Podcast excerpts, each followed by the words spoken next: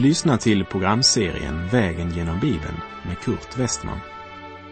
Programmet sänds av Transworld Radio och produceras av Norea Radio Sverige. Vi befinner oss nu i Nahums bok. Slå gärna upp din bibel och följ med. Vi har kommit till det andra kapitlet i profeten Nahums bok. Profeten förkunnar att en fruktansvärd stad där synden och ondskan flödar skall nu jämnas med marken. Nineves nådatid är snart slut. De har passerat den gräns där deras sår kunde läkas och nu återstår endast Herrens rättvisa dom. Och i kapitel 2 och 3 ska vi se Guds rättfärdighet verkställas. För det Gud talar är inte bara ord, men verklighet. Och inom kort måste syndens Nineve möta denna verklighet, vare sig de vill eller inte. När Gud kallar till omvändelse, då har människan en valmöjlighet. Men Nineves folk förkastade ljuset och valde mörkret, synden och ondskan. Men när domen kommer kan människan inte välja. Och domen som Nahum profeterar ska komma är fruktansvärd. Och historien bevittnar att den blev i detalj bokstavligen uppfylld. Jag skall göra i ordning en grav åt dig, ty du är ingenting värd, hade Nahum proklamerat i Nahum kapitel 1, vers 14. Med andra ord, Gud säger till Assyrien, jag skall begrava dig. Och det är precis vad som hände. Vi läser Nahum kapitel 2, vers 2.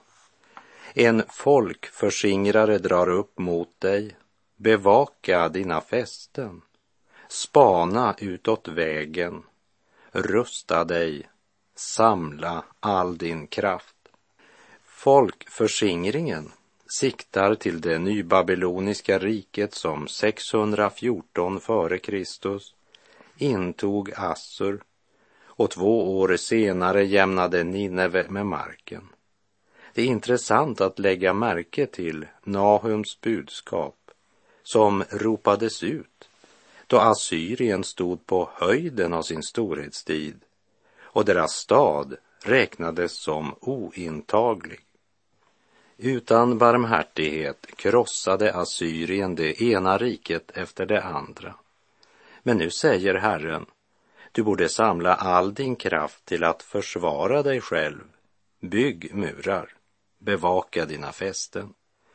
Både assyrierna själva och deras kuvade fiender, de räknade det assyriska riket som oemotståndligt.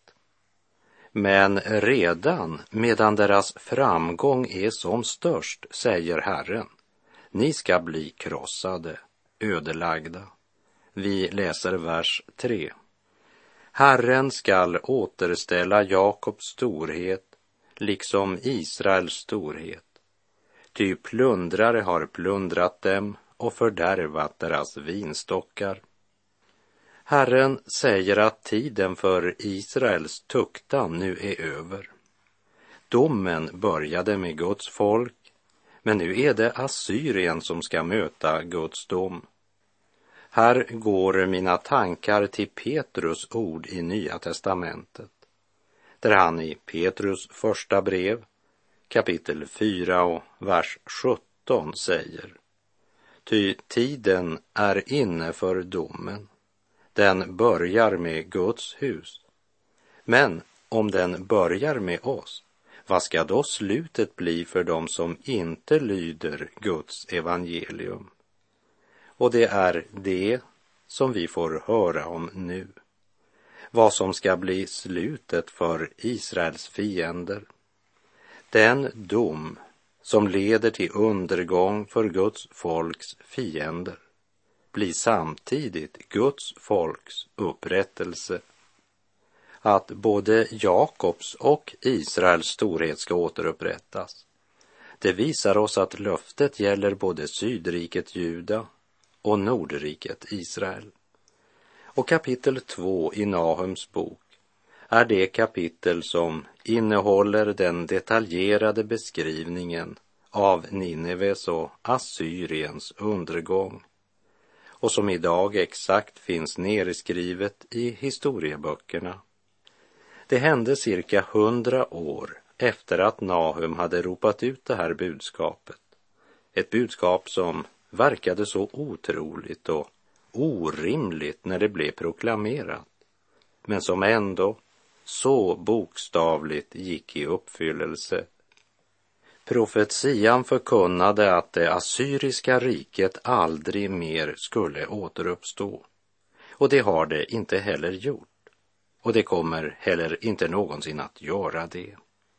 Guds ord talar om ett Babylon i ändetiden och om en del andra länder och makter som står i fiendskap mot Gud och hans barn. Men Assyrien är för alltid borta från historiens arena. Och än en gång stadfäst den gudomliga sanningen att vad en människa sår måste hon också skörda, förr eller senare. Assyrien var en brutal nation.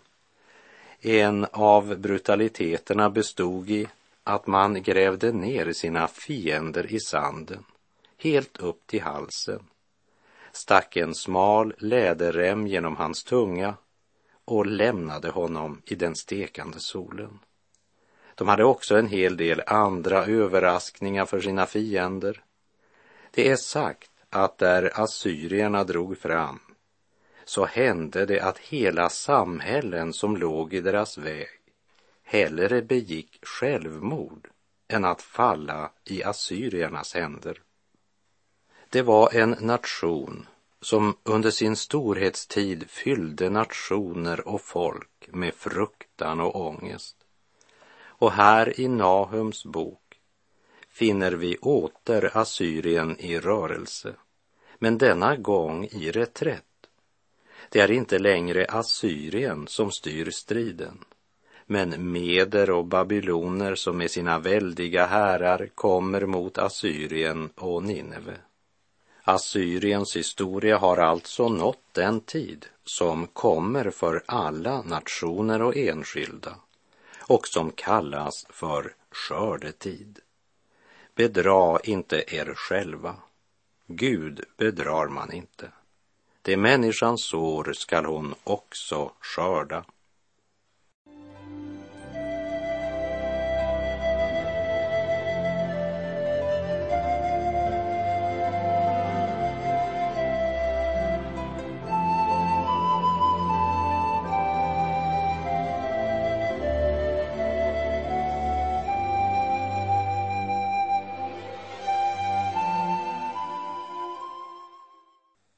Vi läser profeten Nahum kapitel 2, vers 3. Hans hjältars sköldar har färgats röda. Krigsmännen går klädda i scharlakan.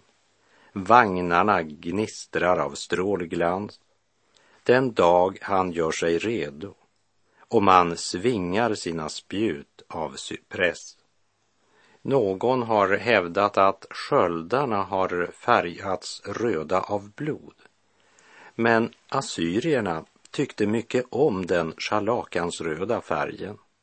I all deras konst förekommer den röda färgen ofta och rikligt. Så de var uppenbart begeistrade för den färgen. De gjorde stort sett allting rött. Det finns forskare som menar att assyrierna använde kopparsköldar och att när solen reflekterades i de blanka sköldarna så såg det ut som eldrött. Varför gjorde de detta? Jag tror det var för att skrämma sina fiender. För som du vet så försöker de att bluffa så mycket de kan under striden inbilla fienden att man är starkare än vad man är. Rött var en iögonfallande färg och alla krigsmännen gick klädda i scharlakan, så den assyriska soldatuniformen var röd. Vagnarna gnistrar av strålglans, står det.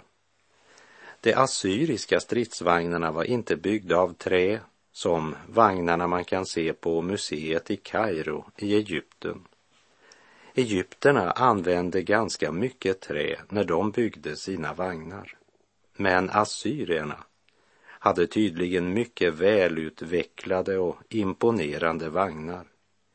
Det gällde ju både att vara så effektiva som möjligt men också att skrämma fienden så mycket som möjligt. Propaganda, det är inget nytt påhitt. Vi läser Nahum kapitel 2, vers 4. På gatorna stormar vagnarna fram. De kör om varandra på torgen. Det ser ut som bloss. Som blixtar far de iväg. Här talar Nahum om striden mellan de assyriska vagnar och deras fienders vagnar. Vad som skedde när fienden närmade sig Nineve var att de möttes av en imponerande syn. Den grekiske historikern Diodorus Siculus, han berättar att Nineve hade 1500 torn som vardera var 200 meter höga. Men under belägringen så svämmade floden Tigris över sina bäddar och rev med sig en hel sektion av stadsmuren i Nineve. Så vad inte fienden kunde göra, det gjorde floden. Den knäckte Nineves murar och sedan kunde fienden komma in i staden med sina hästar och vagnar. Så gick det till när en mäktig stormakt plötsligt led nederlag därför att stunden hade kommit då Assyrien skulle skörda vad de sått. Nahum säger att även om Assyriens vagnar var så snabba att det ser ut som bloss och far fram som blixtar så hjälper det inte längre. För när flodernas portar öppnas så rasar palatset och faller ihop. Vi läser vers 5 och 6. Han kommer ihåg sina väldiga kämpar. De stapplar där de rusar fram. De skyndar mot stadens murar och skyddstaken görs redo. Flodens portar öppnas och palatset faller ihop. Nineves ödeläggelse kom när mederna intog staden. Babylon var ingen stormakt på den tiden, men de deltog tillsammans med mederna. Och Nahum profeterar att floden Tigris strömmar ska vändas in mot staden. När det mäktiga regnet fick Tigris att stiga över alla sina breddar och alla fördämningar brister. Nahum kapitel 2, vers 7 och 8. Det är bestämt hon skall kläs av och föras bort. Hennes slavflickor skall sucka som duvor och slå sig för bröstet. Nineve var sedan gammalt som en vattenrik damm, men nu flyter den bort. Stanna, stanna, nej, ingen vänder tillbaka. Nineve bröts ju rent bokstavligt ner genom Tigrisflodens vatten som strömmade över alla sina breddar. Samtidigt så står de här orden som en bild på folkhavet i det rikt befolkade Nineve som nu skulle tömmas på folk som när en vattenport öppnas. Den som inte försökte fly i sin förskräckelse dödades eller fördes bort av fienden. Ingen vänder tillbaka. Ty Guds dom har fallit över Nineve och Assyrien. Nahum målar bilden av ett folk som slår sig för bröstet på ett sådant sätt att det låter som ljudet av duvor i hastig flykt. När Guds dom drabbade blev rollerna plötsligt ombytta. Nu befann sig rovfågeln plötsligt i det jagade bytets situation. Triumfen vändes i fruktan och ångest. Vers 9. Röva nu silver, röva guld. Här finns skatter utan slut, överflöd av dyrbarheter. Fienden uppmanade till plundring och Nineve hade under dagarna av framgång fyllts med rikedomar från alla de land och folk som Assyrien härjat och plundrat. Även Juda hade bidragit med stora rikedomar. Så Nineve var till bredden fylld med silver och guld.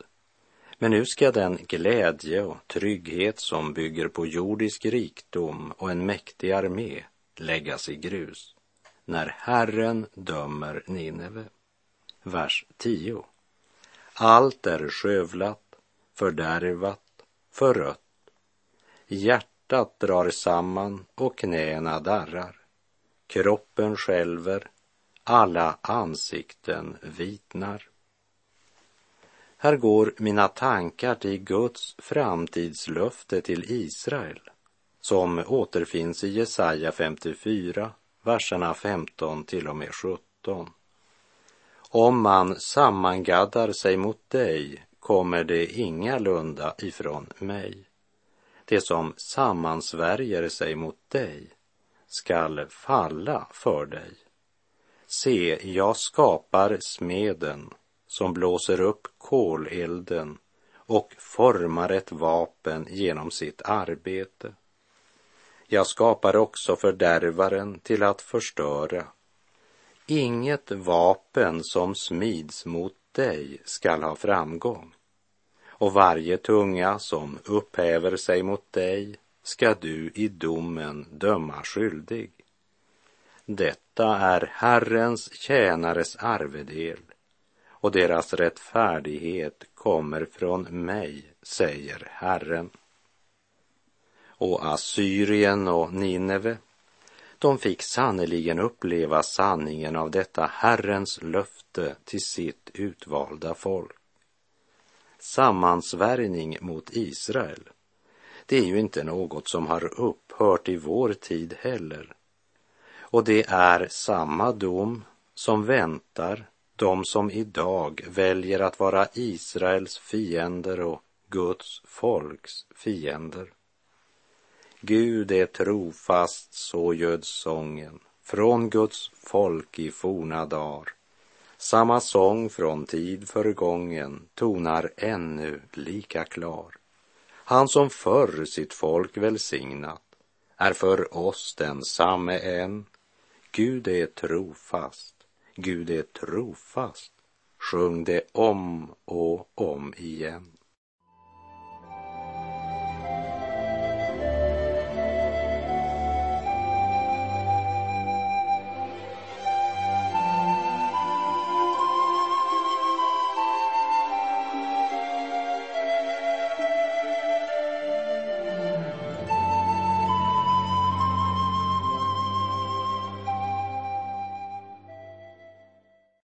Vi läser Nahum kapitel 2, vers 11 och 12. Var är nu lejonens kula, den plats där de unga lejonen åt sitt byte, där lejonet och lejoninnan och lejonkungen strövade omkring utan att någon skrämde dem. Lejonet rev i stycke tills ungarna fick nog, dödade åt sina lejoninnor och fyllde sina hålor med byte, sina kulor med sönderrivna djur. Både Assyrien och Babylon hade lejonet som symbol för sina imperier. Och de hade under en tid triumferat, precis som framgångsrika lejonhannar. Kungens palats, furstarnas hus, ja, många av husen i hela Assyrien hade fyllts med bytet från många länder och folk.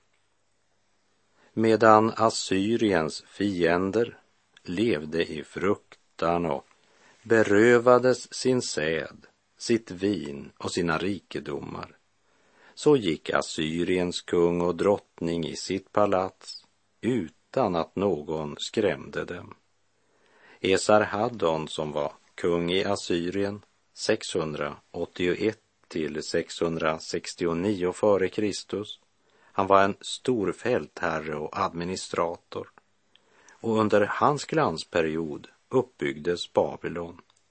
Israel underkuvades och Egypten besegrades medan Nineves skattkamrar fylldes.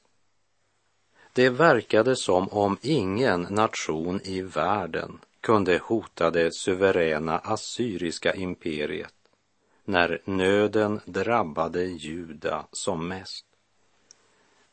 Men här går mina tankar till de svårigheter som aposteln Paulus upplevde många hundra år senare och om vilka han skriver så här mitt i svårigheterna.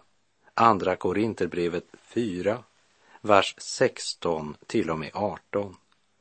Därför ger jag inte upp, även om min yttre människa bryts ner så förnyas min inre människa dag för dag. Mina kortvariga lidanden väger ju oändligt lätt mot den överväldigande, eviga härlighet det bereder åt mig, som inte riktar blicken mot det synliga, utan mot det osynliga. Det synliga är förgängligt, men det osynliga är evigt. Men hela det assyriska riket och all deras makt byggde på det synliga, om vilket Paulus säger att det är förgängligt, medan de lidanden han måste utstå var kortvariga. Det betyder inte att det alltid kändes som om lidandet var kortvarigt, men han visste att lidandets tid är begränsad. Så Även om hans yttre människa bröts ner förnyades hans inre människa dag för dag. Så talar en man som lever i tro. Assyrien och Nineve hade riktat sin blick och sina hjärtan till den rikedom och lycka som är förgänglig. Och nu närmar sig stunden då allt detta yttre ska förgå och läggas i grus. Och då utgör Assyrien inte något hot mot Guds Israel längre. Därför ställer Gud lite ironiskt frågan. Var är nu lejonens kula? Där eh, lejonkungen strövade omkring utan att någon skrämde honom. Med andra ord, vad har det blivit av allt det som ni byggde på. Och redan innan det skedde profeterade Nahum detta. I den sista versen i kapitel 2 låter Herren förkunna följande budskap genom profeten Nahums mun. Se, jag är emot dig, säger Herren Sebaot. Jag ska låta dina vagnar gå upp i rök och dina unga lejon skall förtäras av svärd. Jag skall utrota ditt rövade gods från jorden och röster av dina sändebud skall inte mer höras. Oberoende av hur lysande och fantastiskt det kan se ut i ögonblicket så går det mot undergång och död för den som av Gud får den överskriften över sitt liv. Se, jag är emot dig. Det är inte ofta Gud uttalar de orden. Vi finner dessa ord här i Nahums profetia och vi finner dem i Hesekiel 38 där Gud säger just det till Gog i Magogs land. I Hesekiel 38, vers 1 till och med 3 och till samma adressat i Hesekiel 39, vers 1.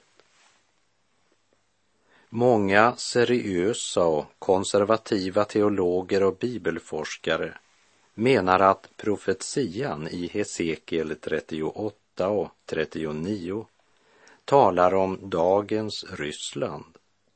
Ett land som fick evangeliet tidigt, men som under många år av kommunistisk och ateistisk regering förnekade Gud och förföljde dem som bekände sig till Kristus. Här i Nahums bok riktas orden till staden Nineve, ett folk till vilka Herren hade sänt sin budbärare med ett personligt budskap till staden Nineve. Och de lyssnade och vände om från sin onda väg och vände om till Herren. En mera genomgripande väckelse har väl knappast någon annan stad upplevt, varken förr eller senare. Men efter en tid så förkastade det ljuset och valde mörkret. Och i Matteus 12, vers 43 till och med 45 säger Jesus när den orena anden lämnar en människa vandrar den genom vattenlösa trakter och letar efter en plats att vila på, men hittar ingen. Då säger den, jag vänder tillbaka till mitt hus som jag lämnade. När den så kommer och finner det ledigt och städat och snyggt går den bort och hämtar sju andar till som är värre än den själv och det följer med in och slår sig ner där. För den människan blir slutet värre än början. Så skall det också gå för detta onda släkte. När människan vänder sig bort från Gud, bort från evangeliets ljus, så kallar världen det för att vara upplyst. Men Jesus säger, om nu ljuset i dig är mörker, hur djupt är då inte mörkret? Som det står i Matteus 6, 23.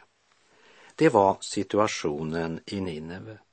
Och det är situationen i många nationer idag och i många enskilda människors liv. Och för den som har det så återstår endast Guds dom. Därför, kära vän, sök Gud medan han låter sig finnas. Åkalla honom medan han är nära. Så att inte du slutar med den överskriften över ditt liv som uttalades över Nineve, där Herren säger jag är emot dig.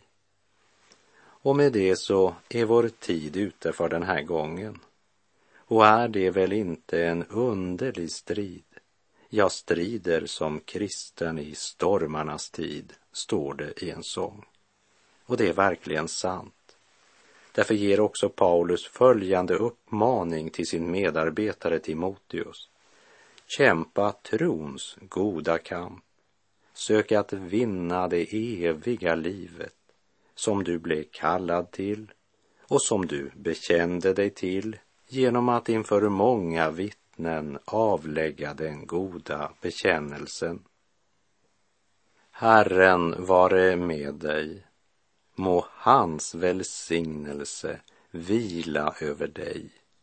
Gud är god. Du har lyssnat till programserien Vägen genom Bibeln med Kurt Westman som sänds av Transworld Radio. Programserien är producerad av Norea Radio Sverige. Om du önskar mer information om vårt radiomissionsarbete så skriv till Norea Radio Sverige, box 3419 103 68 Stockholm. Adressen är alltså Norea Radio Sverige, box 3419. Postnumret 10368 Stockholm.